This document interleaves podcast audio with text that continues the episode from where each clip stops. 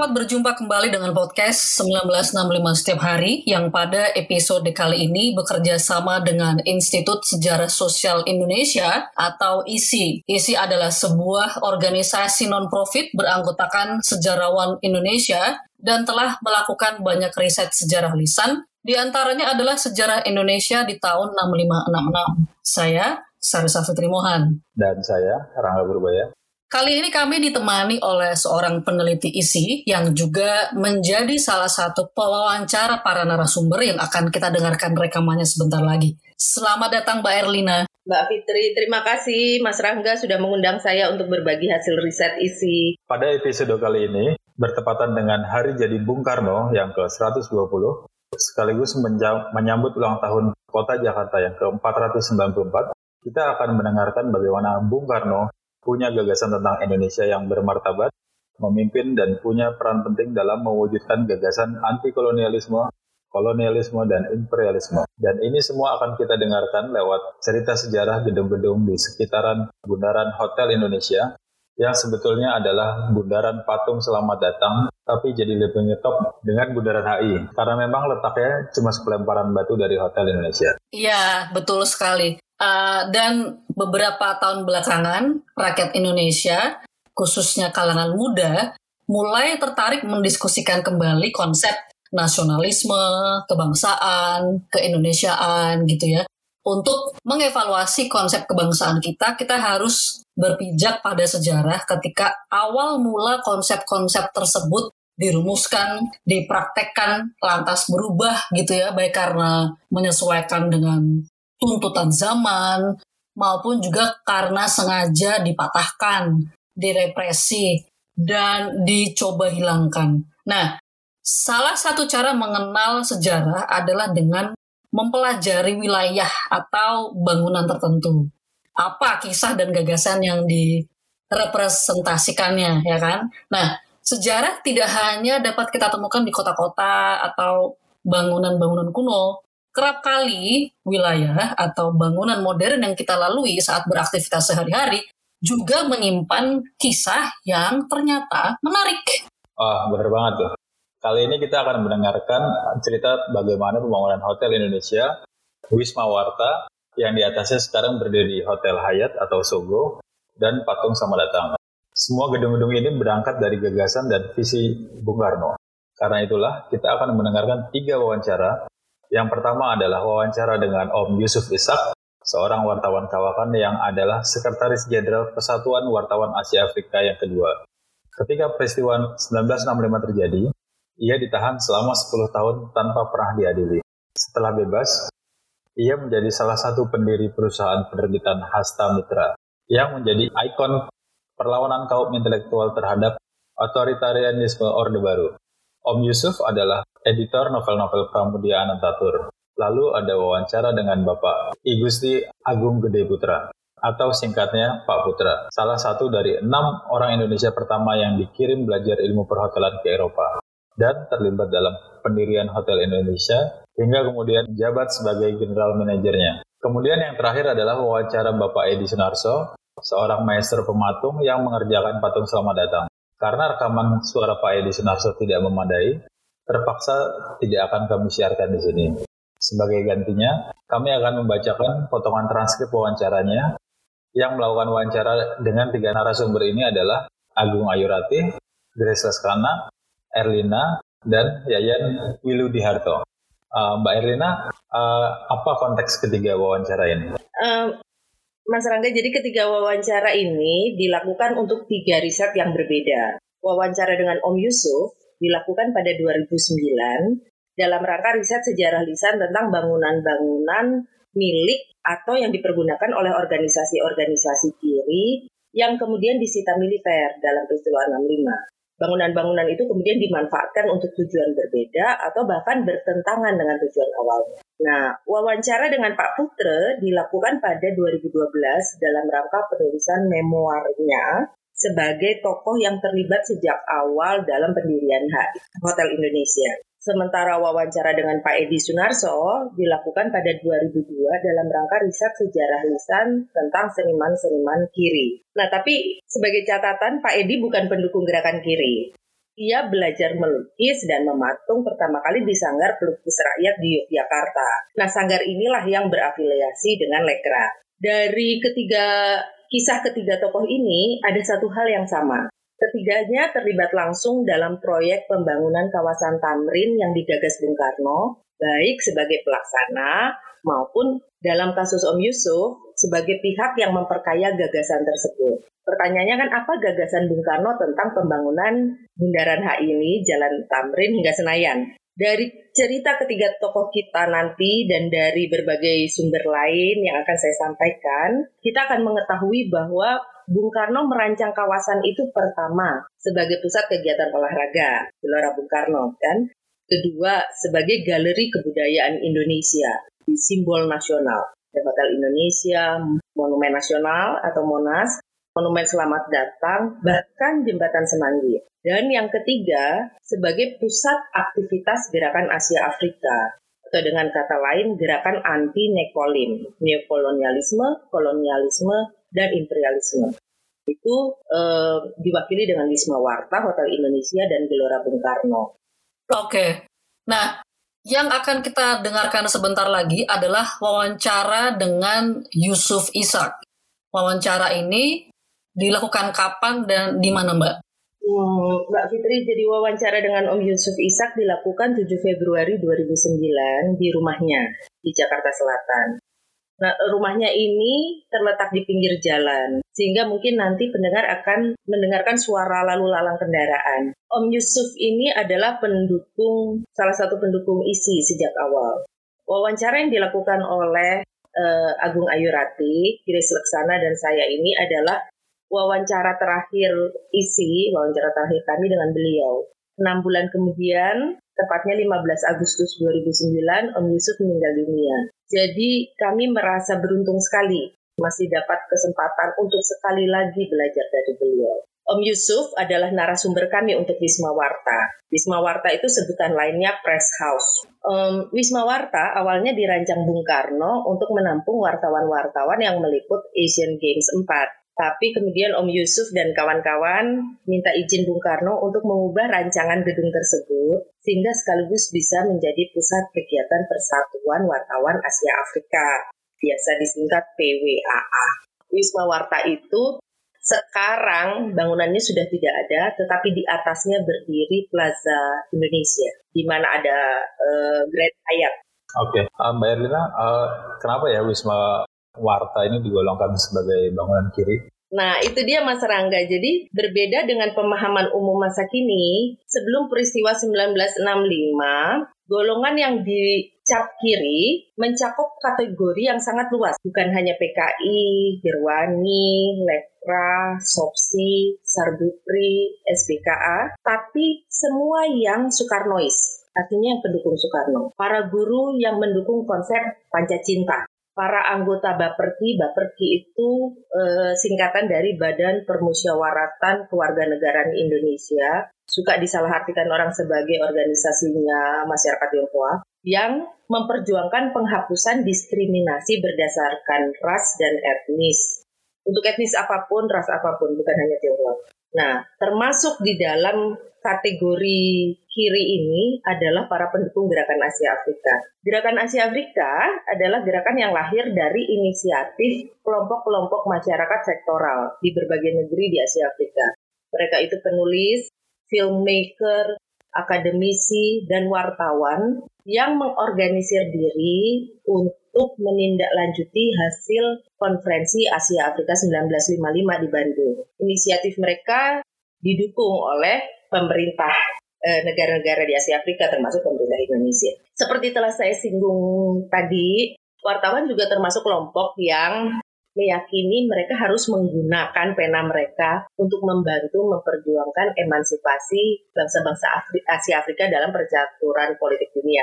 Juga mendukung gerakan kemerdekaan bangsa-bangsa Asia Afrika yang masih terjajah. Kalau istilah pada masa itu, mereka adalah organisasi wartawan yang menentang uh, nekolim. Nekolim itu artinya maksudnya mereka menentang dominasi politik, ekonomi, ideologi negara-negara dunia pertama yang sebagian besar eks-kolonialis. Nah, untuk mengonsolidasi diri ini, sekelompok wartawan Indonesia di antaranya Jawoto dari Antara dulu juga dia ketua Persatuan Wartawan Indonesia PWI Pusat. Ada Umar Said dari Ekonomi Nasional Harian Ekonomi Nasional dan Om Yusuf mengusulkan untuk menyelenggarakan konferensi wartawan Asia Afrika. Ide ini sebenarnya bukan muncul di tahun 60-an saja. Jadi itu sudah muncul pada saat konferensi Asia Afrika di Bandung sedang dilaksanakan. Akan tetapi baru 8 tahun kemudian bisa terlaksana karena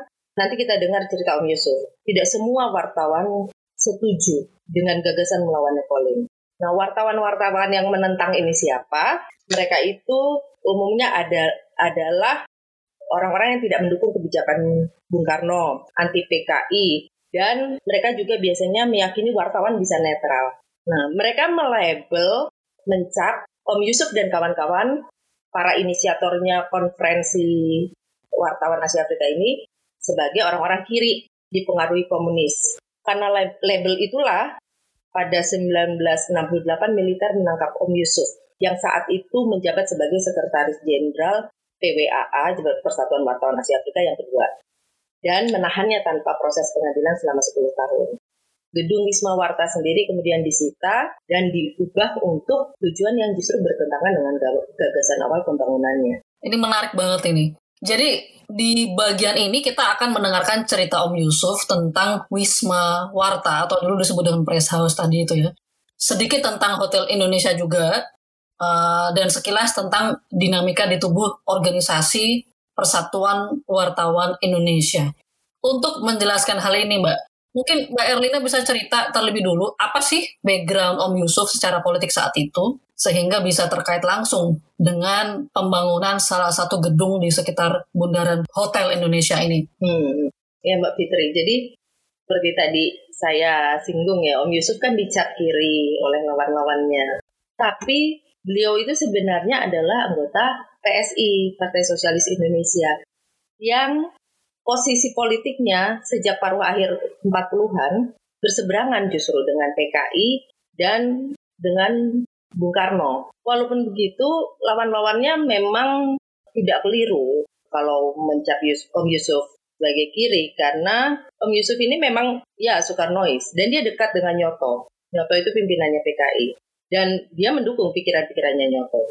Sebagai pemimpin redaksi, Om Yusuf itu pemimpin redaksi Harian Merdeka karena dia pemimpin redaksi, tentu saja pandangannya yang kiri itu mendominasi arah dan isi surat kabar yang dipimpinnya.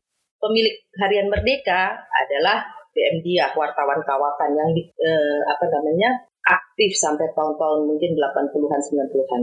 BM Diah akhirnya memutuskan untuk membungkam Om Yusuf dengan cara menaikkan pangkat Om Yusuf menjadi direktur grup Merdeka. Jadi Harian Merdeka itu adalah salah satu dari grup yang percetakan koran dan bla bla. Nah, Om Yusuf itu diangkat menjadi direkturnya. Tujuannya apa? Supaya dia tidak menulis lagi. Jadi dia hanya akan berurusan dengan soal-soal manajerial perusahaan. Istilahnya Om Yusuf, dia ditendang ke atas. Nah, Om Yusuf menolak dan akhirnya dia memutuskan keluar dari Merdeka dan berkonsentrasi ke mengurus Persatuan Wartawan Asia Afrika.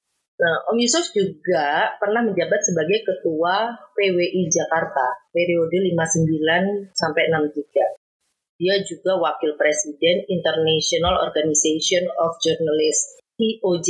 Nah, dalam sebuah pertemuan IOJ di Budapest, Hungaria, Om Yusuf dan delegasi wartawan Indonesia memanfaatkan kesempatan itu untuk melobi delegasi wartawan dari berbagai negeri di Asia Afrika yang hadir untuk mendukung petisi mereka yang isinya desakan kepada pemerintah Indonesia agar menyetujui penyelenggaraan KWAA, apa Konferensi Wartawan Asia Afrika. Nah, Om Yusuf pulang ke Indonesia dengan membawa petisi yang sudah ditandatangani oleh wartawan-wartawan Asia Afrika. Mereka juga dapat dukungan dari organisasi wartawan-wartawan eh, RRT dari Tiongkok. Nah, petisi itu disampaikan ke Bung Karno Ternyata Bung Karno tidak hanya menyetujui penyelenggaraan konferensi, tapi melalui istrinya Hartini yang diposisikan sebagai ketua panitia kehormatan konferensi, eh, mendukung penggalangan dana bagi penyelenggaraan kegiatan tersebut. Pada hari pembukaan konferensi, Bung Karno juga hadir menyampaikan pidato. Sayangnya kita belum mendapatkan pidato itu. Om Yusuf karena jabatannya sebagai Ketua PBI Jakarta bertindak selaku tuan rumah sekaligus Ketua Konferensi. Ketika Sekretaris Jenderal jadi Sekjen Persatuan Wartawan Asia Afrika yang pertama, Jawoto, diangkat sebagai Duta Besar Indonesia untuk uh, Tiongkok, Om Yusuf ditunjuk langsung oleh Bung Karno sebagai penggantinya tanpa melalui keputusan PBI. Padahal seharusnya ketua PBI pusatlah yang otomatis menjadi sekjen. Artinya Bung Karno percaya pada Om Yusuf, pada pada pendirian politiknya. Nah, dalam kapasitas itulah Om Yusuf datang pada Bung Karno dan meminta agar disediakan tempat untuk sekretariat PWAA dan disetujui. Oke, mari kita dengarkan sekarang wawancara uh, dengan Om Yusuf Ishak. Saya harus kembali ke tahun 60-an, situasi Jakarta, Jalan Tamrin, di, sekitar bundaran HI. Saya ingat betul tahun 62, 1962, Bung Karno itu mengejar-ngejar supaya bisa menjadi penyelenggara uh, Asian Games. Uh, untuk itu sebelumnya jadi sebelum 62 memang sudah di approach Soviet Uni pribadi Khrushchev oleh Bung Karno sehingga tahun 60-an itu sudah dimulai dibangun Stadion Gelora Bung Karno yang kemudian nama Stadion Gelora Bung Karno. Segitiga di wilayah itu pun sebenarnya menarik. Bung Karno waktu menetapkan kompleks itu sebagai kompleks olahraga. Segitiga itu tidak boleh di, di, di wilayah segitiga itu tidak boleh. Ada bangunan yang tidak menyangkut olahraga. Kalaupun ada hotel, hotel untuk para atlet dan rumah-rumah yang sifatnya bungalow berdiri berdiri berdiri berdiri, berdiri itu juga untuk atlet dan macam-macam anu yang gedung olahraga untuk basket, untuk tenis, untuk indoor semuanya. Tapi sekarang kita lihat plaza Senayan berada di sana dan banyak lagi apa bank dalam waktu bersamaan kami PBI, saya PBI Jakarta mempersiapkan konferensi wartawan Asia Afrika. Saya menjadi tuan rumah karena ketua PBI Jakarta menjadi ketua rumah. 63 berhasil kita KWA konferensi wartawan Asia Afrika terselenggara dan berubah menjadi Persatuan Warga Nasi Afrika. Tempat kita konferensi itu di gedung yang kalian kenal sekarang sebagai Grand Hyatt itu di sudut itu. Di sudut itu sebenarnya berdiri press house. Wisma Warta. Ah, Wisma Warta ya. Yang disebut Wisma Warta sebenarnya adalah pembangunan dalam rangka Asian Games. Jadi selain Bung Karno memikirkan akomodasi untuk para atlet, juga gedung-gedung olahraga untuk atlet, Bung Karno juga memikirkan untuk wartawan. Jadi di lokasi itu berdirilah Wisma Warta yang kalau tidak salah cuma lima tingkat tapi lengkap ada atriumnya segala macam. Nah, karya ber, diselenggarakan di sana. Awalnya diselenggarakan di sana, walaupun untuk resepsi besar kita gunakan Hotel Indonesia yang ada di seberangnya. Tapi sekretariat PWA sehari-hari berada di Wisma Warta itu tahun sampai satu waktu terjadi 1965. Pada saat PWA menjumpai Bung Karno meminta pada Bung Karno supaya di Jakarta ada gedung sekretariat PWA. Bung Karno panggil Gubernur Jakarta Jenderal Sumarno waktu itu dan mempersilahkan saya bersama gubernurnya keliling Jakarta cari gedung mana, wilayah mana, tanah-tanah kosong mana yang mau dipakai. Saya masih ingat di seberang Sarina seberangnya itu seberang itu tanah kosong. Sekarang kalau salah UNDP ya, dulu masih masih tanah kosong, masih tanah kosong. Gubernur Sumarno menawarkan tanah itu. Saya menanya pada calon arsitek kita ya, calon pemborong jadinya. Calon pemborong ini tidak antusias karena mereka bilang begini, Yusuf kalau tempat itu sangat strategis di jalan protokol ya. Karena tanah itu tanah rawa. Jadi kalau kita membangun gedung bertingkat di sana, membuat fondasinya aja lebih mahal dari gedungnya sendiri. Karena itu membutuhkan fondasi yang sangat kuat. Itu pernah ditawarkan. Pemborong ini membisikkan pada saya, ah, dia dapat info bahwa Wisma Warta itu di lima tingkat sebenarnya originalnya untuk tujuh tingkat. Tapi karena mengejar 62 1962 harus selesai. Pada saat lima tingkat tidak akan selesai. Dirampungkan dia. Nah pemborong kita mengatakan nanti kami bikin desain ditambah dua tingkat lagi. Fondasi itu kita tidak bikin fondasi lagi. Nah itu memang memungkinkan dengan atrium segala macam komplit semua apa fondasi itu mampu. Dengan bangunan-bangunan tambahan itu. Dia bikin karena desainnya saya masih ingat saya datang ke Bung Karno sarapan pagi. Dan kebetulan pada sarapan pagi itu Bung Karno biasa masih pakai kaos oblong kursi rotan di belakang itu menerima duta besar Howard Jones. Beberapa menteri Maladi olahraga Franseda juga hadir. Dan yang saya tidak lupa hadir juga Cindy Adam ah, saya datang sudah selesai apa pertemuan informal selama sarapan. Bung naik pakai apa baju resminya. Dan saya diundang naik ke atas. Apa kerjanya memperlihatkan apa desain pas ini sebuah warta yang baru. Saya ingat Bung Karno waktu saya menghadap di, di kamar kerjanya dia panggil juga Howard Jones ini teman betul ya. Dia tanya Howard Jones, Howard apa pendapatmu? Bung Karno sebelum dia jawab, Howard dia jawab sendiri. Beautiful, isn't it? Oh, saya senang sekali mendengar komentar Karno. Sehingga langsung diambilkan di sudut itu di sup. Nah itu sangat terkenal waktu itu ya. Kalau sudah dapat para sup itu, nah itu jalan terbuka lah. Yang tidak enak bagi saya, Menteri Olahraga itu hadir, Maladi. Itu semua di bawah dia kan kompleks. Asian Games di bawah dia. Saya sama sekali tidak konsul sama dia. Dia potong kompas. Anu, langsung ke Bung Karno dan kebetulan disetujui. Nah sekarang ini ini yang barangkali waktu itu off the record menjadi persoalan pada saat membuat akte unitaris itu atas nama siapa? Masalahnya ini situasi politik tahun 60-an ya.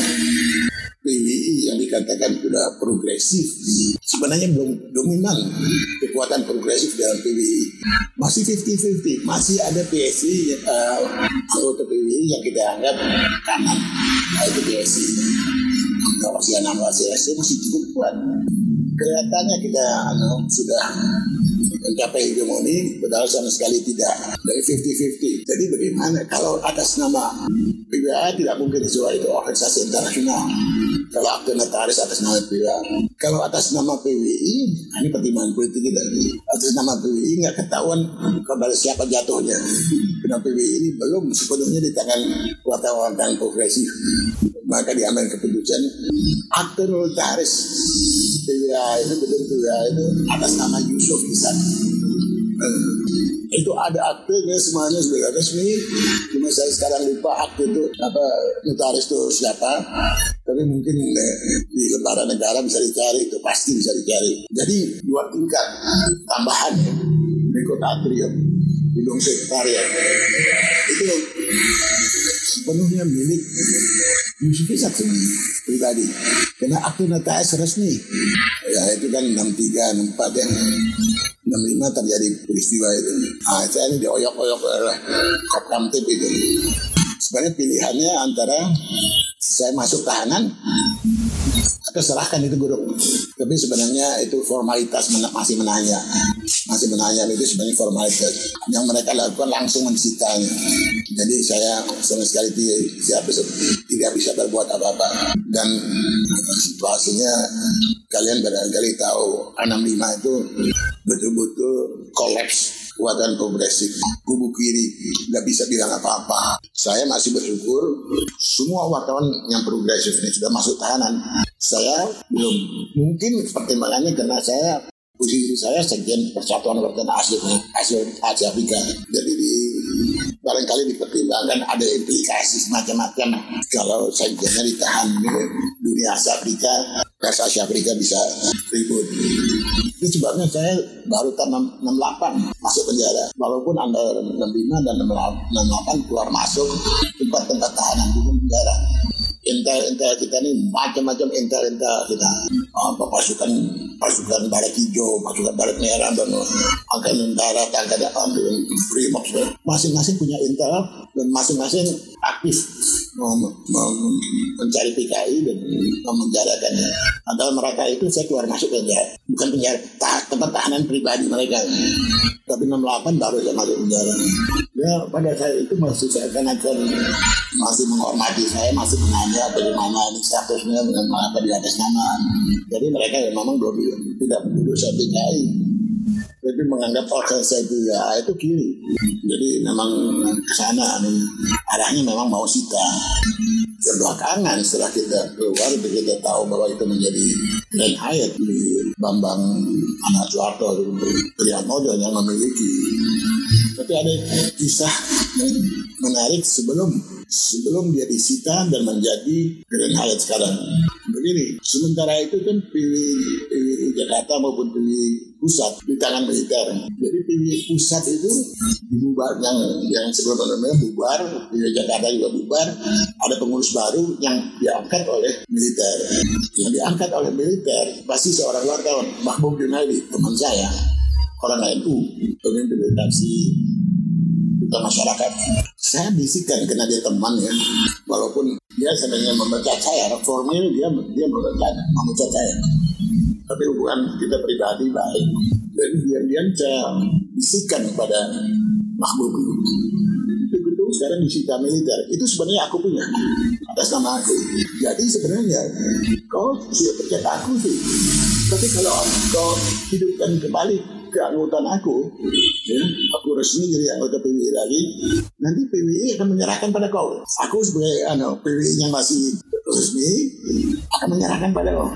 Si Mahbub setuju itu dan wakil ketuanya juga waktu itu kapten. Kapten Yusuf Sirait temannya Sirait ada Sirait. Ada. Itu menyetujui rencana jadi ada konspirasi sebenarnya antara sebenarnya saya belum tapol ya tapi calon tapol dengan PWI yang resmi. Jadi Mahmud itu resmi menghidupkan kembali keanggotaan saya. Saya katakan saya tidak pernah dipecat. Hanya untuk mendapatkan gedung itu. Tapi gagal. Karena ini dan berjalan banyak bukan level PWI, ini pun yang berat di level istana. Saya tidak tahu kemudian posisinya. Dan yang kalian lihat itulah sekarang jadi Grand Hyatt, ada mall Sogo, dan itu salah satu gedung yang menyangkut juga menyangkut diri saya sendiri. Fakta penting apa yang perlu kita catat dari cerita Om Yusuf ini? Iya Mas Rangga, jadi kalau terkait dengan tema kita kali ini, cita-cita Bung Karno tentang Indonesia dalam sejarah bundaran Hotel Indonesia, kalau saya kesimpulannya adalah Bung Karno membangun kawasan Bundaran HI, Tamrin, Senayan bukan semata untuk menunjukkan Indonesia bisa memiliki jalan gedung megah modern. Gedung-gedung itu untuk apa? Dari cerita Om Yusuf kita bisa melihat bahwa gedung-gedung itu dibangun Bung Karno untuk memberi ruang berkarya, ruang bekerja bagi rakyatnya. Karya yang seperti apa kan gitu. Nah, dalam kasus Om Yusuf, lewat ceritanya kita tahu bahwa karyanya bentuknya adalah memimpin gerakan emansipasi bangsa-bangsa di dunia. Gerakan emansipasi waktu waktu itu artinya anti nepolis. Dengan kata lain, Bung Karno menjadikan Tamrin Bundaran HI sebagai pusat gerakan politik Asia Afrika.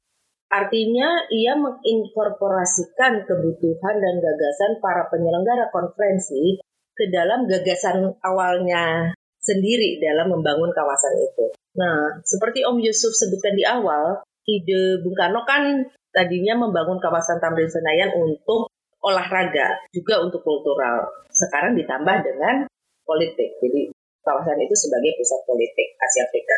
Hal yang sama dilakukan oleh Nasser sebenarnya di Kairo dengan memberi tempat bagi e, organisasi kesetiap kawanan rakyat Asia Afrika. Sri Lanka juga melakukan di Eh, dengan memberikan tempat di Kolombo eh, bagi Biro Eksekutif Pengarang Asia Afrika. Nah, Bung Karno di Indonesia menyediakan dua rumah bagi Gerakan Asia Afrika. Pertama Bandung, kedua Jakarta. Bandung selain tempat diselenggarakannya konferensi Asia Afrika, juga menjadi tempat penyelenggaraan konferensi mahasiswa Asia Afrika dan konferensi Islam Asia Afrika. Sementara Jakarta, tepatnya Bundaran HI dan sekitarnya, itu selain menjadi markasnya wartawan Asia Afrika, Wisma Warta, tapi juga tiga gedung ini Wisma Warta, Hotel Indonesia, dan Gelora Bung Karno dipakai eh, sebagai tempat menyelenggarakan pertemuan Biro Permanen Konferensi Pengarang Asia Afrika. Festival Film Asia Afrika 3, Ganevo, Ganevo itu Games of the New Emerging Forces, yang waktu itu maksudnya untuk menyaingi Olimpiade. Kemudian juga KIAPMA, Konferensi Anti Pangkalan Militer Asing. Jadi begitu banyak kegiatan anti calling gerakan anti calling yang diselenggarakan di kawasan ini. Tapi seperti cerita Om Yusuf, perjuangan mereka dihentikan oleh peristiwa 65. Mereka ditangkap dan ditahan tanpa proses pengadilan atau tersebar di berbagai negeri sebagai eksil kalau pakai istilah Gus, Dur kaum kelayaban. Betapapun eh, sebelum penangkapan Om Yusuf dan kawan-kawan sudah sempat memindahkan sekretariat Persatuan Wartawan Asia Afrika ke Beijing dan Jawoto, sekjen pertamanya Persatuan Wartawan ini kemudian mengambil alih kembali ke pemimpinan organisasi, namun situasi politik Indonesia waktu itu sudah berubah. Dan selanjutnya sejarah Indonesia mengabaikan kontribusi Om Yusuf dan kawan-kawan. Ini mengapa kalau kita bicara konferensi Asia Afrika misalnya, seolah-olah itu hanya peristiwa yang terisolasi pada satu minggu di bulan April 55. Tidak ada kelanjutan. Ini juga mengapa kita sekarang tidak banyak terlibat dalam diskusi-diskusi akademik tentang warisan Konferensi Asia Afrika yang sebenarnya masih berlangsung marak di luar negeri sampai sekarang. Karena generasi kita tidak dapat informasinya. Kita tidak mendengar tentang kiprahnya Om Yusuf, Yawoto, dan um, Umar Said dan kawan-kawan. Kita tidak di di Persatuan Wartawan Asia Afrika kita tidak mendengar uh, tidak mendapat informasi sama sekali tentang kiprahnya Pak Hersri Setiawan di Biro Pengarang Asia Afrika kita tidak mendengar tidak pernah mendengar informasi tentang kiprah Bu Utami Surya Dharma di Festival Film Asia Afrika 3 di Konferensi Internasional Anti Pangkalan Militer Asing tahun 65 uh, sehingga uh, karena karena kita tidak berkiprah maka akhirnya tulisan-tulisan akademik tentang konferensi Asia Afrika lebih banyak membahas peran uh, Perdana Menteri India Nehru, Presiden Mesir Gamal Abdel Nasser yang memang berjasa. Tapi tokoh-tokoh kita sendiri juga punya kontribusi penting di dalam gerakan itu, baik di dalam konferensi maupun di dalam gerakan lanjutan sesudah konferensi. Akhirnya mereka hilang dari catatan. Kita hilang dari catatan yang kerap kali disebut hanya Indonesia sebagai organisator kegiatan, sebagai Bandung sebagai tempat penyelenggaraan kegiatan. Ini juga berlaku untuk catatan sejarah tentang gerakan non-blok misalnya. Peran Presiden Soekarno sebagai inisiator juga dilupakan. Sekarang kalau kita bicara lagi tentang nasib gedung Wisma Warta setelah penangkapan Om Yusuf, seperti telah saya singgung sebelumnya, gedung itu kemudian disita oleh militer kemudian diubah menjadi hotel, namanya Hotel Asoka, yang perlahan tidak laku. Kemudian dibeli oleh grup Bimantara untuk dihancurkan. Nah, di atas lokasi itu kemudian dibangun Plaza Indonesia yang sampai sekarang bisa kita lihat. Oke. Nanti kita akan balik lagi ya ke Om Yusuf, tapi sebelum kita ke sana kita akan mendengarkan dulu awal mula Hotel Indonesia direncanakan untuk dibangun dari cerita Bapak I Gusti Agung Gede Putra, mantan General Manager Hotel Indonesia yang pada saat itu dikirim ke luar negeri, ke Swiss ya Mbak ya? Betul. Uh, belajar untuk belajar perhotelan karena ada rencana Bung Karno untuk membangun Hotel Indonesia. Nah, Mbak Erlina, apa sih yang ingin dicapai Bung Karno saat itu lewat pembangunan Hotel Indonesia? Dan selain Hotel Indonesia, apa aja nih gedung-gedung lainnya yang Bung Karno juga ingin bangun saat itu? Apa yang ingin dicapai oleh Bung Karno ketika membangun Hotel Indonesia? Saya rasa catatan sejarah. Jadi sebelum sebelum saya menjawab itu, yang mau saya sampaikan adalah catatan sejarah yang sampai pada generasi kita sekarang menggambarkan Hotel Indonesia sebagai bagian dari mega proyek Bung Karno yang seolah muncul secara impulsif karena tiba-tiba Indonesia waktu itu punya uang banyak dari pembayaran pampasan perang Jepang. Dan kemudian sama Bung Karno diboroskan untuk menggolkan cita-cita menjadi tuan rumah Asian Games 4 tahun 1962 yang berarti mensyaratkan Indonesia menyediakan fasilitasnya yang artinya harus semua harus dibangun dari awal. Memang benar bahwa penyelenggaraan Asian Games 4, kemudian pembangunan Hotel Indonesia, Monas, itu gedung-gedung lain yang dibangun pada saat yang bersamaan. Monumen Selamat Datang, Jalan Bypass, Jalan Tamrin, Jembatan Semanggi, Gedung TVRI, dan Gelora Bung Karno, itu semua adalah proyek besar, menghabiskan uang besar juga. Akan tetapi, Bung Karno punya argumen untuk e, mengapa dia mengambil kebijakan itu. Dan uh, argumen Bung Karno ini yang akan menjawab pertanyaan Mbak Putri. Nah, kita perlu mengetahui sudut pandang Bung Karno sebagai generasi muda sekarang supaya kita bisa menilai secara tepat uh, apakah uh, keputusan Bung Karno waktu itu memang benar atau enggak gitu ya tepat atau tidak. Nah, tapi nanti itu kita akan dengarkan kutipan penjelasan Bung Karno. Nah, yang saya mau sampaikan sekarang adalah proyek-proyek itu tidak seperti yang dikatakan oleh para kritisinya itu bukanlah proyek impulsif.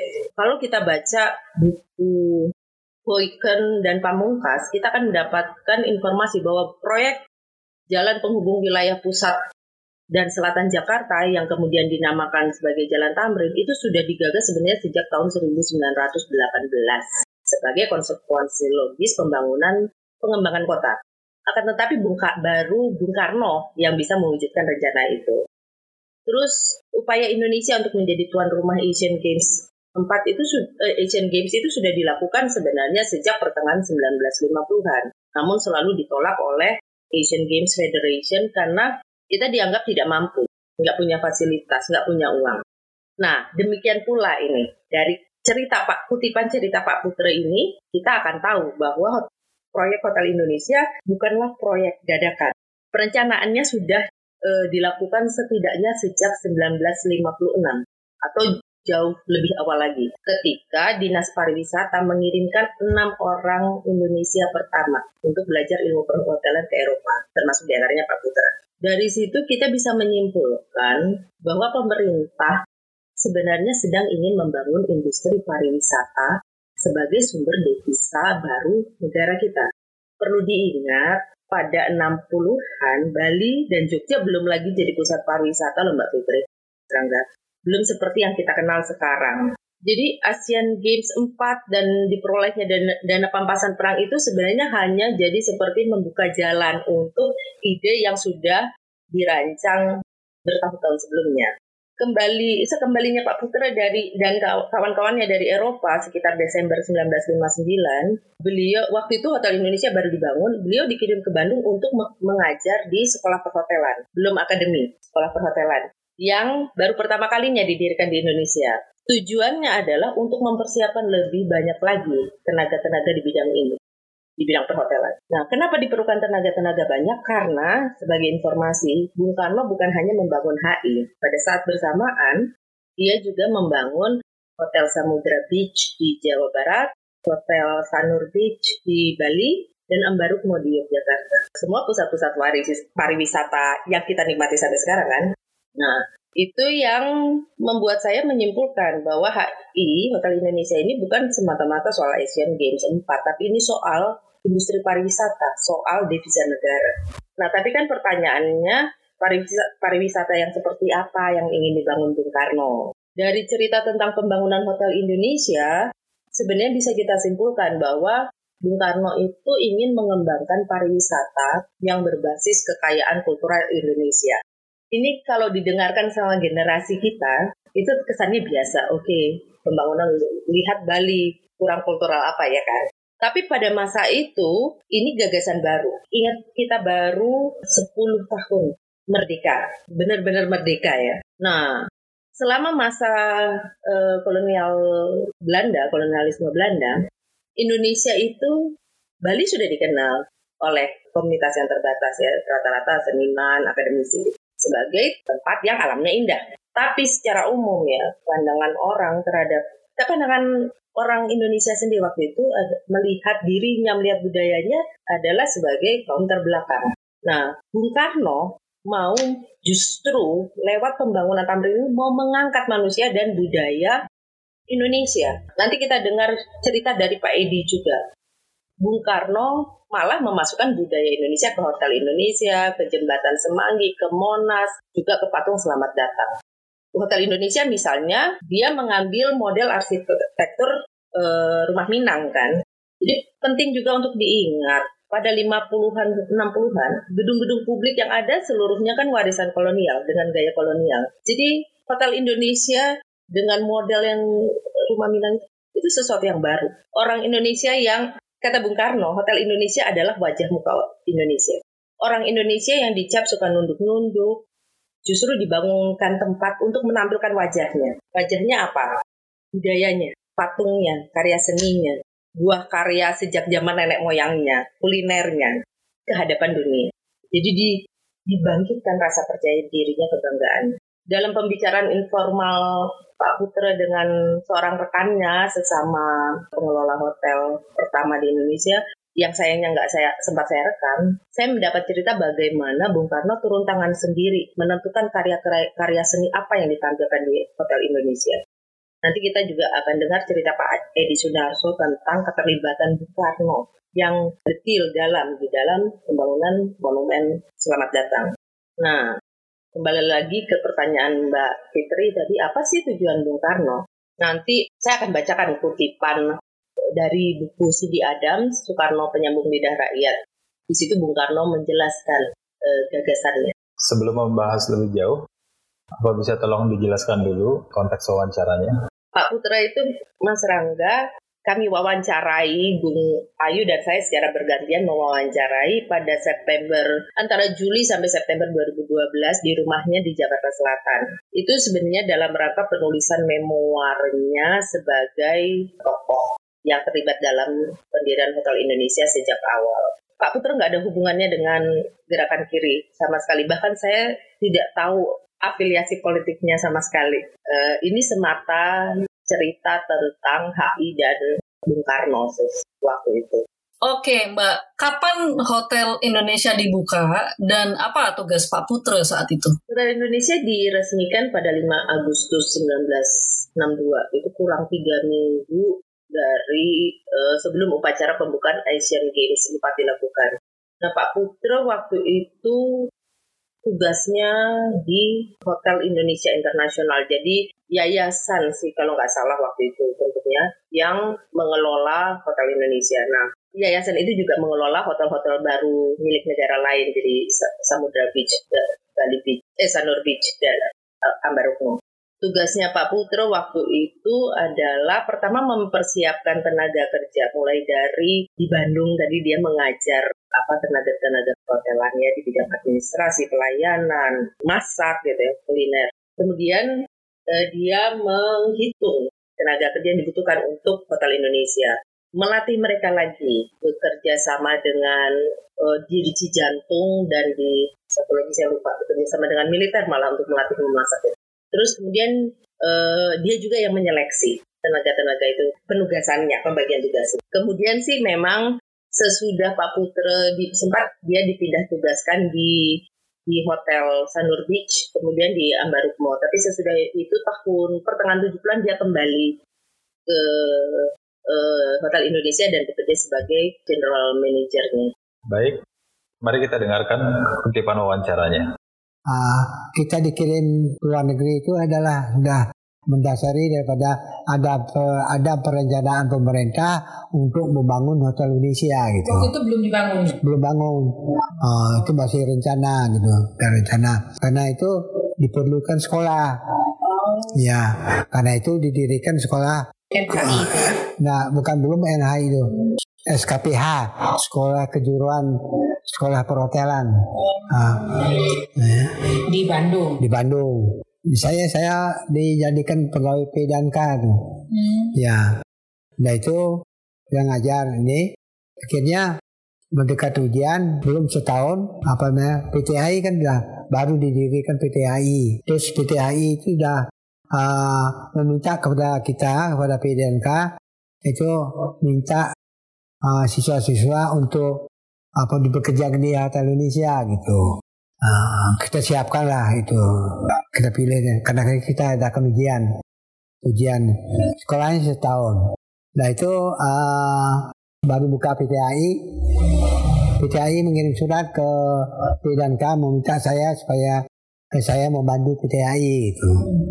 Akhirnya uh, disetujui. Saya uh, apa ya pindah ke PTAI dari dari P dan K PTHI punya pemerintah ya? PTHI punya pemerintah. Nah, di sana saya diberikan adalah tempat pendidikan.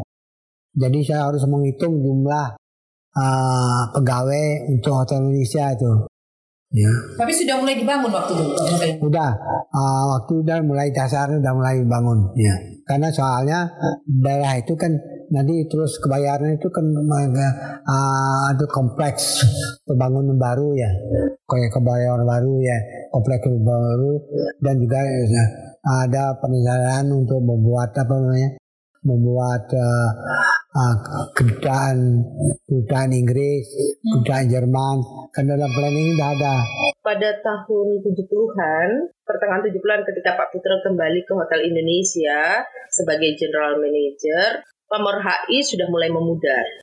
Karena ia sudah di, karena HI sudah diperlakukan seperti akomodasi biasa. Uh, kalau Bung Karno memperlakukan HI uh, bundaran HI sebagai galeri kebudayaan Indonesia pada pasca 65 HI itu gagasan itu sudah hilang. Tapi pada 1993 HI sempat dinyatakan sebagai cagar budaya. Persoalannya adalah pemerintahan selanjutnya tidak agaknya tidak menanamkan jadi berinvestasi secara cukup untuk merawat dan memodernisir cagar budaya ini. Nah, KI kemudian harus bersaing dengan hotel-hotel swasta baru dengan modal dalam maupun luar negeri yang lebih modern. Nah, di masa uh, eh, SBY, renovasi dan pengolahan hotel Indonesia kemudian diserahkan kepada Kempinski, perusahaan yang berbasis di Swiss. Sehingga sekarang nama Hotel Indonesia menjadi Hotel Indonesia Kempinski. Hmm, oke. Okay. Nah, Hotel Indonesia ini adalah hotel yang identik dengan Bundaran Hotel Indonesia, yang mana ada patung selamat datang ya di Bundaran HI itu. Jadi sebetulnya seperti yang tadi sudah dibilang sama Rangga, namanya itu adalah Bundaran Patung Selamat Datang. Tapi jadi Bundaran HI, saking identiknya gitu ya. Patung Selamat Datang ini ceritanya sendiri lumayan seru langsung dari maestro pematungnya sendiri yaitu dari Pak Edi Sunarso. Termasuk saat dia bilang guru pematungnya sebenarnya adalah tukang kijing. Kijing itu batu nisan gitu ya. Tukang kijing di Jalan Kalikurang di Yogyakarta, di Pakem situ. Nah, jasa tukang kijing di daerah Pakem Jogja ini bisa bikin kita punya patung selamat datang nih di ibu kota Indonesia. Sayang sekali, sayang banget kualitas audionya kurang memadai. Jadi nanti kita akan bacakan transkrip wawancaranya uh, tentang uh, Pak Edi ini ya. Wawancaranya ini dilakukan kapan dan di mana saat itu, Mbak? Iya, memang sayang sekali uh, wawancaranya tidak bisa diperdengarkan. Uh, Tapi untungnya kami sudah membuat transkrip wawancara sebelumnya sehingga setidaknya kita masih tetap bisa mengetahui, mendengarkan kisah Pak Edi. Nah, wawancara ini dilakukan pada 2003 di Yogyakarta oleh uh, peneliti isi Yayan Wiludi Harto dalam rangka riset sejarah lisan seniman-seniman kiri. Sekali lagi saya uh, harus memberi catatan bahwa Edi Sunarso bukan pendukung gerakan kiri betapapun ia anggota Sanggar Pelukis Rakyat yang berafiliasi dengan Lekra. Jadi ceritanya Edi Sunarso ini sama dengan Om Yusuf. Jadi kategori sejarah itu tidak pernah sederhana. Wawancara dengan Pak Edi ini akan e, memperkuat gambaran yang sudah kita dapat tentang Bundaran HI sebagai galeri kebudayaan Indonesia sesuai gagasan Bung Karno. Sebenarnya yang terlibat di dalam pembuatan patung selamat datang ini eh, bukan hanya Pak Edi Sunarso, Pak Edi juga menyebut beberapa orang lain. Heng Ngantung, pelukis yang kemudian pada tahun 60-an menjadi wakil gubernur Jakarta Raya. Dia yang menuangkan gagasan Bung Karno tentang patung selamat datang ke dalam sketsa untuk memandu pekerjaan Pak Edi Sunarso. Yang kedua, Trubus, seniman patung yang ikut membuat model patung selamat datang, membantu Pak Edi Sunarso membuat model patung selamat datang. Nah, Trubus ini nantinya akan hilang dalam peristiwa 65. Kemudian ada Ignatius Gardono dari studio artistik dekoratif dan para pekerjanya. Itu mereka yang melakukan pengecoran patung, karena ini patung perunggu, bersama dengan enam orang pensiunan pegawai bengkel PJKA, sekarang PT KAI, yang juga berpengalaman mengecor. Kemudian Pak Edi Sunarso juga menyebut insinyur, nama insinyur Sutami, dialah yang mengerjakan keseluruhan arsitektur monumen. Kalau bisa diceritakan sedikit latar belakang profesi dan politik dari Pak Edi Sunarso saat itu, Mbak Erlin? Edi Sunarso itu gerilyawan Mas Rangga. Dia turut dalam revolusi kemerdekaan kemudian bergabung dengan pasukan Siliwangi. Dia sempat ditahan beberapa tahun oleh pasukan Belanda di sejumlah penjara di Jakarta dan Jawa Barat. Ketika bebas, dia menyusul induk pasukannya yang hijrah ke Jogja. Nah di Jogja, Pak Edi Sunarso bertemu dengan Hendra Gunawan. Hendra Gunawan adalah pelukis sekaligus pematung, dosen Akademi Seni Rupa Indonesia, jadi dosen Asri. Nah, Pak Hendra kemudian menawarkan kepada Pak Edi untuk mendaftarkannya sebagai mahasiswa ASRI. Kemudian juga Pak Edi Sunarso ditawarkan oleh Hendra untuk bergabung dengan sanggar yang ia pimpin, Sanggar Pelukis Rakyat. Nah, di situlah Pak Edi Sunarso belajar melukis, didamping oleh senior-senior di Sanggar Pelukis Rakyat seperti waktu itu ada Avandi, Trubus, Rustamaji, dan lain-lain. Nah, sementara di Asri Pak Edi belajar seni patung dari tanah liat, di Sanggar Pelukis Rakyat, Hendra mendorong anggota-anggotanya untuk belajar seni patung dari para pembuat batu nisan. Tadi Mbak Fitri sudah sempat singgung.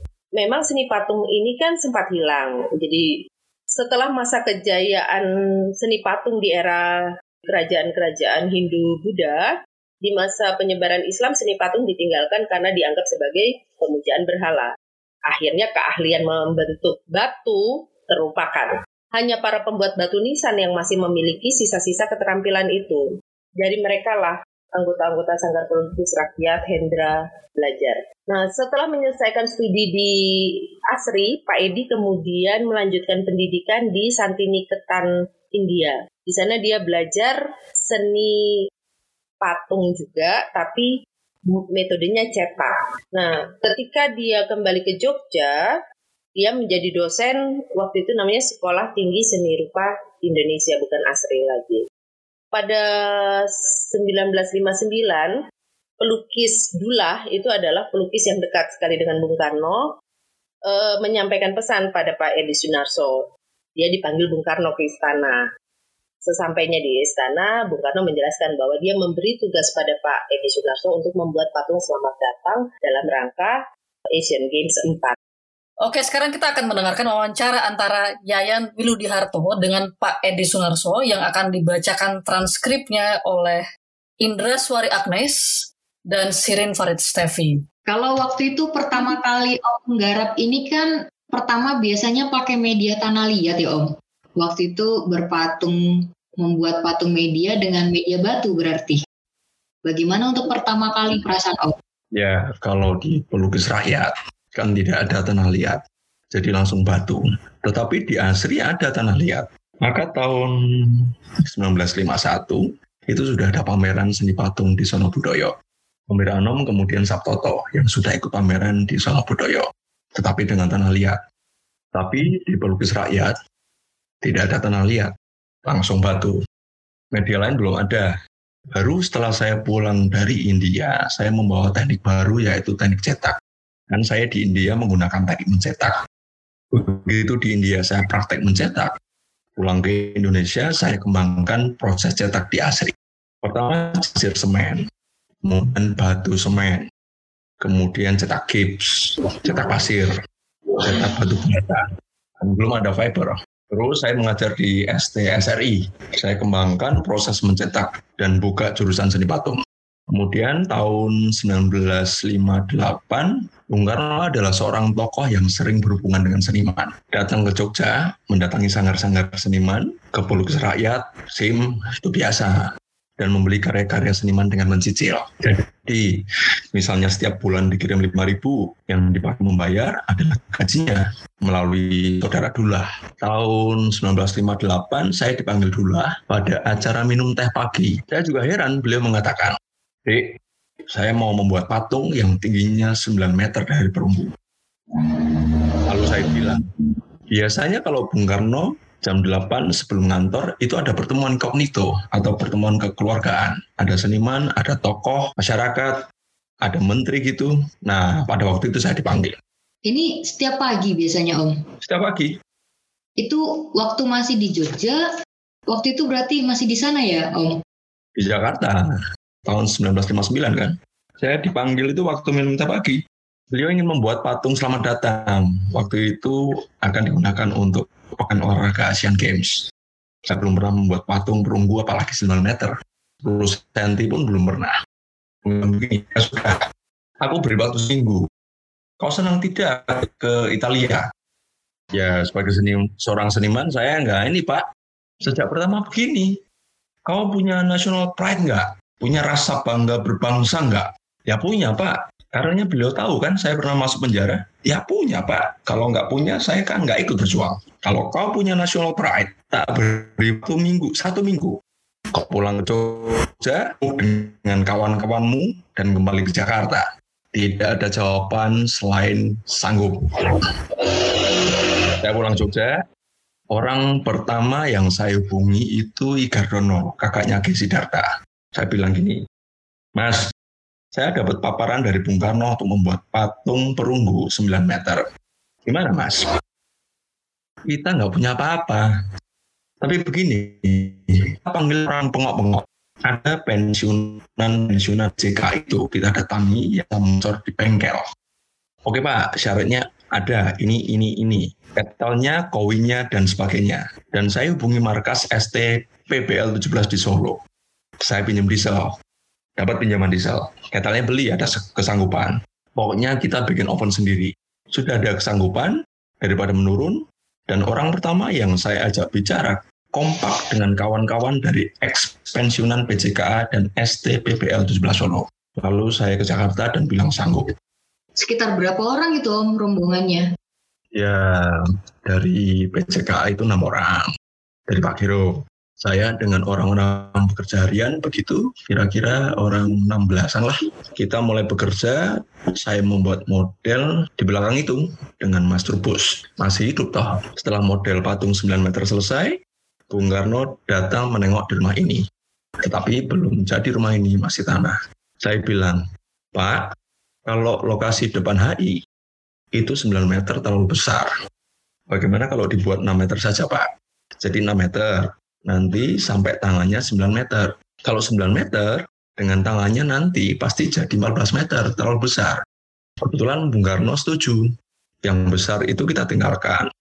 Lalu kita membuat yang lebih kecil. Pada waktu itu juga ada Sultan Hamengkubuwono datang kemari mengikuti rombongan Bung Karno. Akhirnya tahun 1959 selesai. Ketika membaca transkrip wawancaranya Pak Edi Sunarso, ternyata banyak informasi yang perlu kita ketahui tentang patung selamat datang ini termasuk gaya menyelamatdatangi dari patung itu yang dibikin sketsanya oleh Heng Ngantung. Saat itu adalah wakil gubernur Jakarta Raya. Mbak Erlin, bisa cerita nggak Mbak gimana behind the scene-nya dari cerita ini? Bung Karno selalu terlibat langsung dalam menentukan desain setiap patung monumen yang dibangun pada era 60-an itu. Monumen Selamat Datang, Pembebasan Irian Barat, Patung Dirgantara Pancoran, Monas, dan dioramanya. Nah, kalau ceritanya Pak Edi, eh, ketika dia dipanggil oleh Bung Karno ke istana dan dijelaskan bahwa eh, Bung Karno minta dia membuat patung eh, Selamat Datang, itu Bung Karno memperagakan sendiri patung yang ada di bayangannya Bung Karno itu seperti apa. Nah, saya kutipkan saja cerita Pak Edi. Jadi waktu selamat datang pertama kan Bung Karno selalu tampil bersama Heng Antung. Bung Karno omong ke Heng Antung, Heng begini loh Heng, Bung Karno memperagakan sendiri berseru selamat datang. Nah, waktu Bung Karno memperagakan itu, Heng Antung langsung membuat sketch. Sketch global itu tidak detail. Nah, sketsa cepat itu loh. Itu itu ceritanya Pak Edi. Nah, jadi sketsa itulah yang kemudian menuntun Pak Edi Sunarso untuk membuat model patung. Sebenarnya Pak Edi juga tidak langsung menyetujui e, permintaan Bung Karno karena nggak e, nggak ada pengalaman. Nah, tapi Bung Karno waktu itu yakin bahwa Pak Edi Sunarso bisa, bahwa idenya itu bisa diwujudkan. Jadi Pak Edi itu ditantang, bahkan menurut Pak Edi ditantang rasa nasionalismenya. Dan prosesnya waktu itu, menurut cerita Pak Edi, Pak Edi bikin dulu model, miniaturnya, patung selamat datang itu. Kemudian dipresentasikan ke Bung Karno, Bung Karno kritisi, kemudian dibikin lagi yang kedua. Terus diperlihatkan lagi pada Bung Karno, disetujui, tapi itu pun Bung Karno tidak terus kemudian e, lepas tangan tunggu hasil jadinya. Bung Karno datang ke sanggarnya Pak Edi, menengok langsung prosesnya. Ditemani oleh Sultan Hamengkubuwono yang ke-9. Juga dia sempat mengajak dubes Amerika waktu itu Howard Jones untuk melihat e, apa langsung proses pembuatan. Bung Karno bangga sekali dengan upaya seniman-seniman Indonesia me, menjawab tantangannya. Sekarang kita akan kembali ke Om Yusuf Ishak. Di bagian ini, Om Yusuf cerita tentang Persatuan Wartawan Asia Afrika atau PWAA lebih jauh. Juga tentang Konferensi Wartawan Asia Afrika atau KWAA. Di sini wawancaranya juga sudah mulai diwarnai suara-suara orang mengumandangkan doa dari masjid. Jadi, untuk kawan-kawan yang mendengarkan podcast ini, mungkin mulai bisa bersiap-siap untuk mengantisipasi suara-suara tersebut. Betul, silakan bersiap-siap. Jadi selain cerita tentang PWAA dan KWAA, Om Yusuf juga berkomentar tentang Orde Baru yang meskipun sedikit tapi sangat mendasar. Nanti kita bisa dengarkan bagaimana. Nah, yang jelas kita tahu bahwa konferensi Asia Afrika itu Indonesia jadi motornya. Dan Bung Karno berada di balik bergulirnya gerakan ini yang anti neokolonialisme dan imperialisme. Mbak Erlin, bagaimana keadaan Bung Karno saat itu dan kekuatan gerakan kiri di Indonesia di masa-masa 6566 sebelum bangunan-bangunan ini lalu mulai diambil alih atau disita? Hmm, kacau Mbak. Secara secara umum karena propaganda hitam yang terus disebarkan lewat media massa yang waktu itu sudah dikuasai oleh militer, lewat eh, medium-medium lain, uh, radio, kemudian juga pembicaraan kasak kusuk, maka pendukung gerakan kiri, pendukung Bung Karno waktu itu kacau balau, bingung sebenarnya apa yang terjadi. Jadi Om Yusuf misalnya waktu itu bolak-balik dari 65 sampai 68 dipanggil oleh militer. Ditahan sebentar dibebaskan, panggil ditahan sebentar dibebaskan. Baru memang tahun 68 Om Yusuf secara permanen ditahan tanpa pernah diadili sampai tahun 77. Nah, nggak ada lagi yang mempertahankan dan memang sudah tidak punya kemampuan mempertahankan bangunan-bangunan hasil-hasil kerja mereka.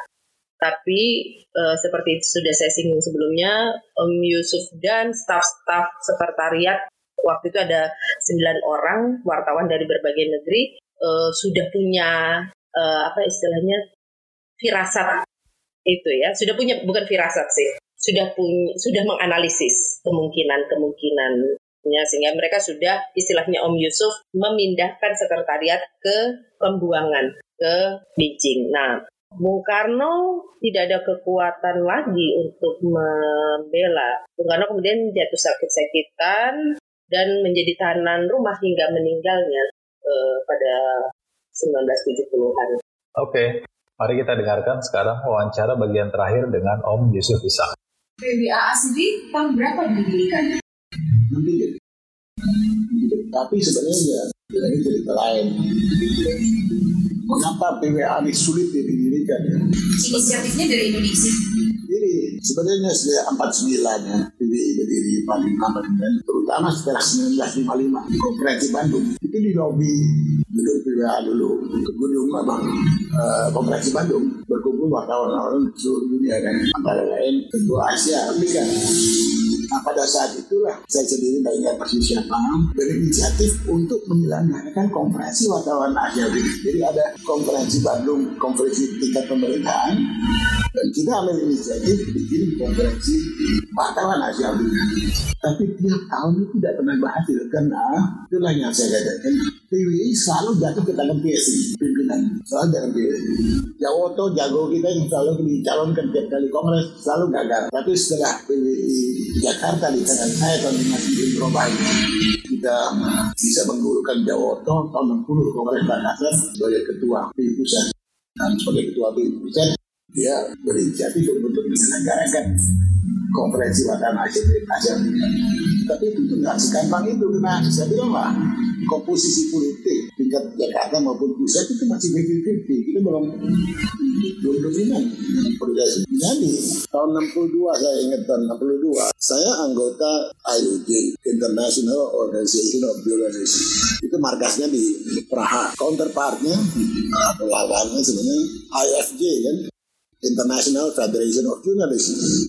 Itu markasnya di Brussel. Nah, kalau Rosiana Anwar, Mabib, apa, Mokhtar Lubis itu ke AFD. Saya ini ke di IU, sidang IUJ, sidang presiden IUJ 1962 pada waktu itu di Budapest karena pemerintahan komunis ya. IOJ boleh menyelenggarakan kongresnya di gedung parlemen. Saya sudah melihat gedung parlemen Inggris dan gedung parlemen Budapest ini tidak kalah. Ada jadi indah. Apa? Arsitektur gotik itu luar biasa. Indah betul. Kita boleh gunakan itu untuk kongres IOJ nah di situ saya terpilih sebagai wakil presiden. Presiden orang Perancis. Nah tahun berapa itu? 62 di lobby IOJ itu kan internasional bukan Asia. Di lobby IOJ itu kita Asia Afrika kumpul lagi dan menyatakan akan menyelenggarakan konferensi wartawan Asia Afrika itu. Saya masih ingat ya, kita pulang membawa layangan panjang kenapa? Kita minta tanda tangan semua peserta Asia Afrika yang hadir di dalam IOJ itu. Pada saat itu memang sudah ada kelihatan apa bentrokan politik ya Soviet Uni itu menawarkan oke okay, konferensi warga Asia Afrika kami mendukung. Dengan syarat mereka diterima sebagai anggota WKWA alasannya Soviet Uni kan bagian terbesar berada di wilayah Asia. Saya masih ingat saya kalau udah mau udah ini permainan politik ya saya anggu-anggu aja saya katakan saya setuju. Padahal kita justru ngerjain mereka supaya mereka jadi tidak jadi anggota. Bawa ke Jakarta bawa ke Jakarta di pusat di Jakarta bilang nggak apa-apa nih. Masa KWA di lahirnya di Budapest nah itu sebenarnya suara yang menentang pada prinsip menentang KWA menentang gerakan Asia Afrika gerakan kolon kanan kan. Tapi kita beruntung tahun 63 Bung Karno mengundang Presiden Rumania George Yudias karena dia diundang, maka duta besar Indonesia datang pulang duluan kan untuk mempersiapkan kedatangan. Duta besar dari wartawan, wartawan antara Sukrisno yang sayuran sama saya, sama Jawoto. Nah, lewat Sukrisno ini, kita ini ajudan-ajudan Bung Karno ini terlewat si, si Muhammad Gandhi itu yang terkenal Gandhi, atas Bambang Wijanarko. Itu memang kan anu, komunis walaupun muji-muji Bung Karno komunis mereka cegah jangan sampai kita bisa bertemu Bung Karno yang maju nih, yang progresif. Jadi kita tidak pernah bisa tembus masuk ke Bung Karno. Nah, tembus-tembusnya lewat Sukresno. Sukresno kita laporkan mengenai ini. Dan minta, minta persetujuan Bung Karno saya mendukung Bung Langsung mendukung.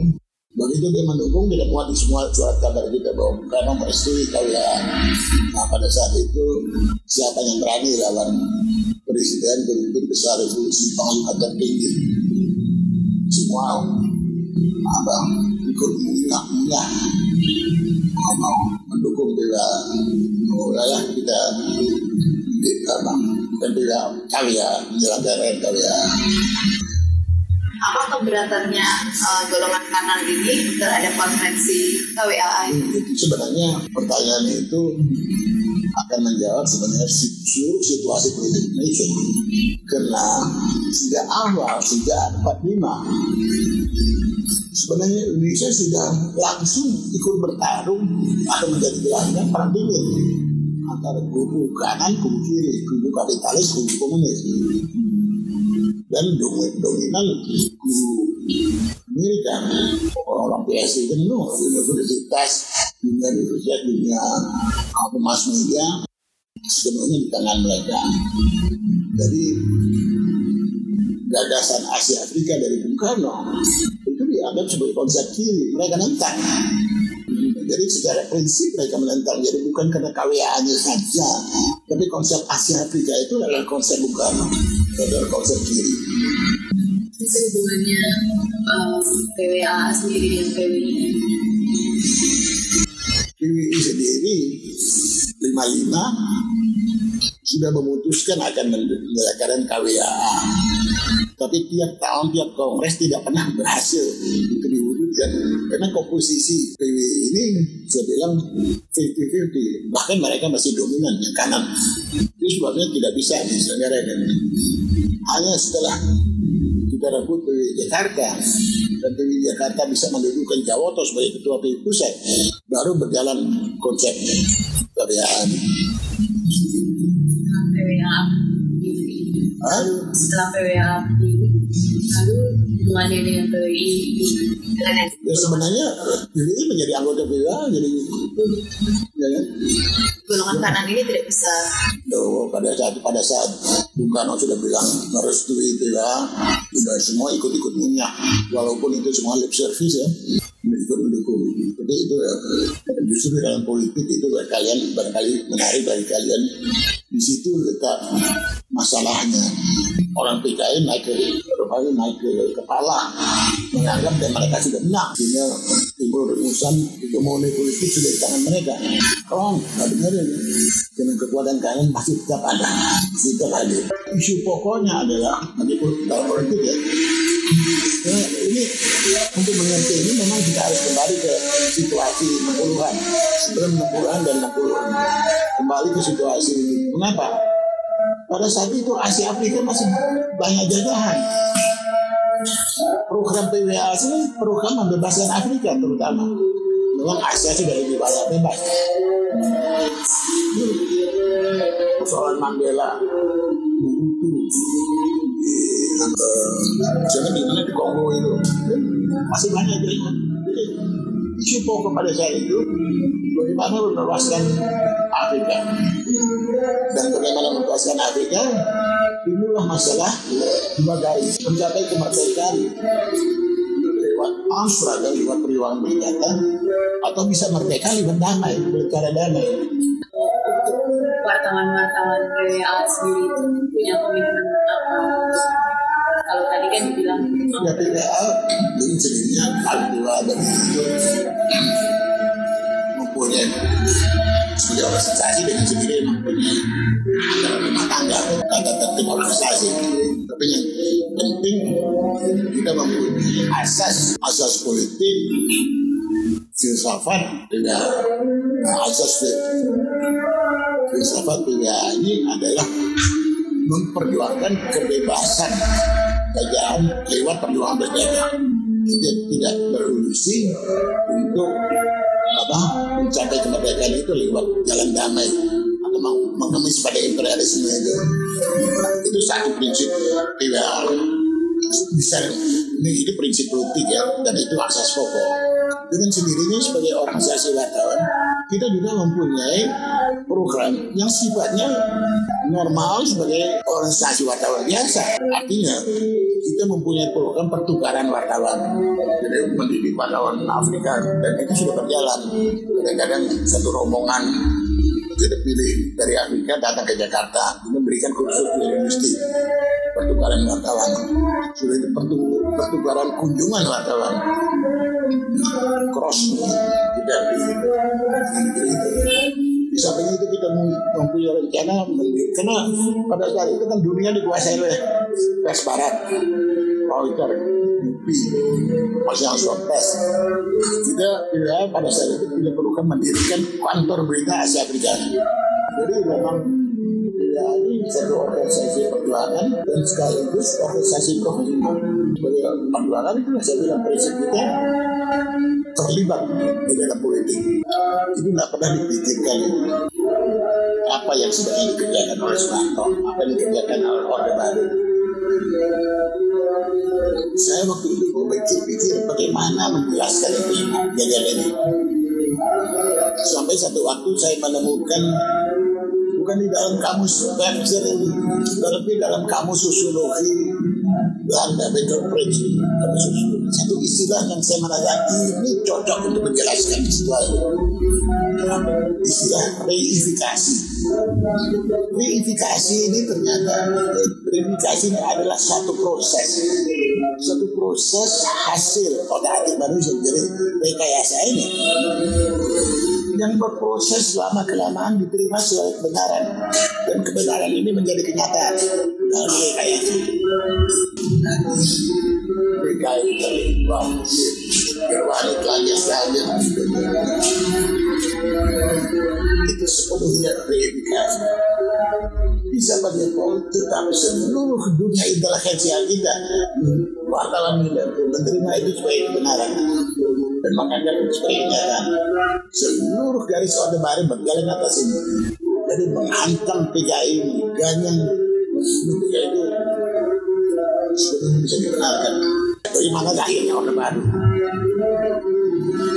orde baru yang selalu mengatakan zaman Soeharto kan selalu dibilang waktu Soeharto mulai dapat oposisi seperti siapa? Si Ali Sadikin petisi 50 kan selalu temanya harus konstitusional harus konstitusional. Padahal orde baru lahir dari inkonstitusional itu dia bubarkan MPRS dia bubarkan MPRS dan apa selenggarakan MPRS anggota MPRS nggak bisa masuk. Masuk ke Senayan itu nggak bisa. Yang dari luar kota di Bekasi juga sudah ditahan kalau PNI PKI memang masuk yang mau yang lain nggak bisa masuk. Jadi tidak ada quorum. Quorum dicapai setelah dia diangkat itulah yang menilai Soekarno terlibat yang menganggap apa uh, selama ini terjadi penyelewengan. Awal konstitusi diawali Soeharto. Uh, apakah ada briefing dari tentara untuk berita? Seluruh mass media sudah dikuasai sehingga bukan briefing. Bukan briefing. Kalau briefing itu masih limited. Masih ada. Ini seluruh mass media seluruh TV seluruh radio menyiarkan setiap hari bukan briefing. Rekayasa yang menjadi kebenaran. Jadi mereka memang mensuplai berita itu. Iya. Dan saya kan ibu Soeharto dikatakan bodoh tidak bersekolah. Tapi luar biasa dia. Nggak kalah dia sama Napoleon sebelum dia bubarkan PKI pers dulu yang dia incar. PKI itu kapan bubar? Tapi pas wartawan masuk penjara udah Oktober 10 Oktober udah habis nggak ada nggak ada surat kabar. Hari mesti yang di media massa sudah. itu duluan. Hari DB termasuk yang pertama. masuk demi kita. Warta bakti seluruh Indonesia masuk tutup. Ya lebih dulu membungkam wartawan daripada PKI PKI kan baru Maret 66 Ya, setelah setelah Super Mario kan. tapi ini Oktober 65 sudah dibungkam kita nggak bisa dia apa-apa RRI langsung. nggak bisa bilang apa-apa. Bukan briefing ini tidak umum. Sesuatu misalnya jempol di kayak Gerwani itu teranjang-telanjang dan jelek-jelek ini. Ini yang dibilang lah tragis ya. Kaum intelijensia kan dalam sejarah hubungan manusia ini selalu berdiri di depan. Agent of progress, agent of maju. Intelijensia ini nih rakan justru terbalik mereka yang dukung rekayasa ini seluruh dunia universitas seluruh dunia pers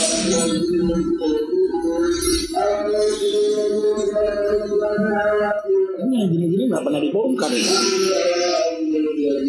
Jadi, gagasan-gagasan penting Bung Karno tentang Indonesia yang memimpin itu berhenti sejak beliau dijatuhkan.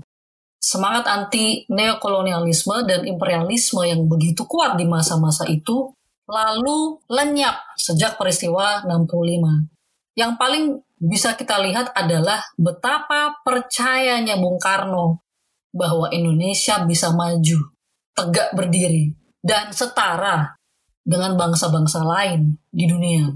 Di samping itu, sangat menarik melihat garis penghubung antara dibangunnya Hotel Indonesia yang ternyata sudah dipersiapkan bertahun-tahun sebelumnya dengan spirit Indonesia yang menjadi motor gerakan menuntut emansipasi negara-negara dunia ketiga lewat penyelenggaraan konferensi Asia Afrika.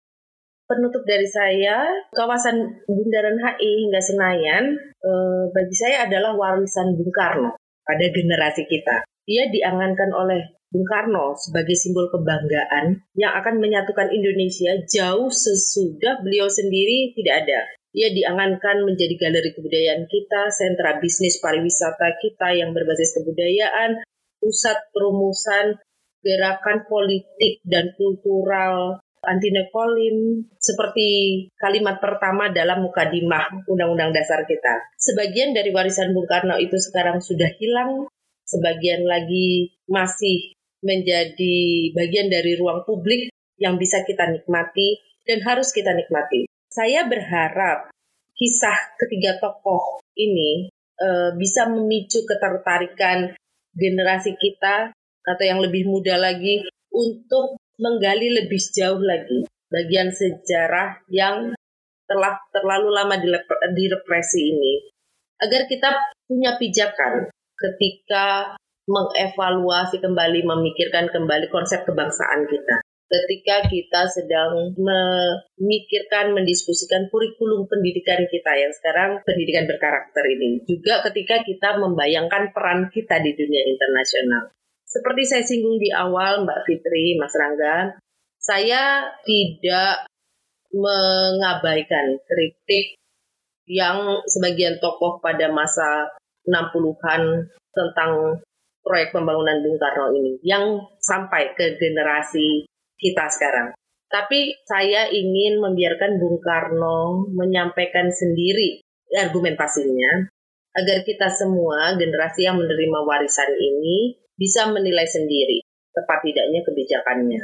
Saya akan membacakan kutipan dari buku Cindy Adams, Bung Karno Penyambung Lidah Rakyat Indonesia. Di dalam kutipan inilah Bung Karno menyampaikan argumentasinya, penjelasannya mengapa beliau membangun kawasan Tamrin. Diambil dari halaman 432, manusia tidak hanya hidup untuk makan, sungguh pun gang-gang di Jakarta penuh lumpur dan jalanan masih kurang, namun aku telah membangun gedung-gedung bertingkat sebuah jembatan berbentuk daun semanggi, jalan raya hebat yang dikenal dengan Jakarta Bypass, dan menamai jalanan dengan nama-nama para pahlawan kami. Jalan Diponegoro, Jalan Tamrin, Jalan Cokro Aminoto, dan lain-lain. Kuanggap pengeluaran biaya bagi pembangunan perlambang bangsa tidaklah sia-sia. Aku harus membangun kebanggaan bangsa Indonesia rakyat sudah terlalu lama diperbudak. Banyak orang yang berhati katak dengan mentalitas warung kopi, menghitung-hitung pengeluaran itu dan menuduhku menghambur-hamburkan harta rakyat. Ini semua bukanlah untuk kejayaanku. Semua ini dibangun demi kejayaan bangsa, supaya bangsaku dihargai oleh seluruh dunia. Tulang punggung tanah airku membeku ketika mendengar pertandingan Asian Games 1962 akan diadakan di ibu kotanya. Kami lalu mendirikan stadion dengan atap melingkar yang tak ada duanya di dunia. Kota-kota lain mempunyai stadion yang lebih besar, tapi tak satu pun yang mempunyai atap melingkar seperti kepunyaan kami. Ya, memberantas kelaparan memang penting, akan tetapi memberi makan jiwa yang telah diinjak-injak dengan sesuatu yang dapat membangkitkan kebanggaan mereka, ini pun penting. Indonesia harus membangkitkan kepercayaan kepada dirinya sendiri dan mengikis habis perasaan rendah diri. Inilah yang harus kusajikan ke pangkuan rakyatku sebelum aku pergi. Pada waktu sekarang, Soekarno lah yang menjadi unsur pemersatu. Kalau aku sudah berangkat, satu-satunya alat pemersatu yang akan mengikat seluruh tanah airku menjadi satu adalah kebanggaan nasionalnya yang sudah tertanam di dalam dada masing-masing. Podcast kali ini adalah produksi kerjasama 1965 setiap hari dan Institut Sejarah Sosial Indonesia. Terima kasih kepada Ayu Ratih, Grace Leksana, dan Erlina. Produser episode ini adalah Grace Leksana, Erlina, Ayu Ratih, Rangga Purbaya, dan saya, Sari Safitri Mohan. Saya editor podcast kali ini. 1965 setiap hari adalah Wulan Dirgantoro, Kiki Muhtar, Indra Swari Agnes, Mikael Johani, Tintin Wulia, Rangga Purbaya, Ken Setiawan, Valencia Huta Barat, Sirin Farid Stevi, dan saya, Sari Safitri Mohan. Terima kasih secara khusus kepada Bona Sustama dari Agensi 56 untuk jinglenya, Jason Ranti untuk lagu penutup, dan Sirin Farid Stevi untuk desain logo podcast 1965 setiap hari. Dan terima kasih kepada Anda semua yang sudah mendengarkan podcast kami. Sampai jumpa. Bangun pagiku enam lima Senam sambil menghafal Pancasila Sejarahku panjang sekali Aku harus mulai dari mana Kepala, pundak, lutut, kaki Lagi diskusi, lagi diskusi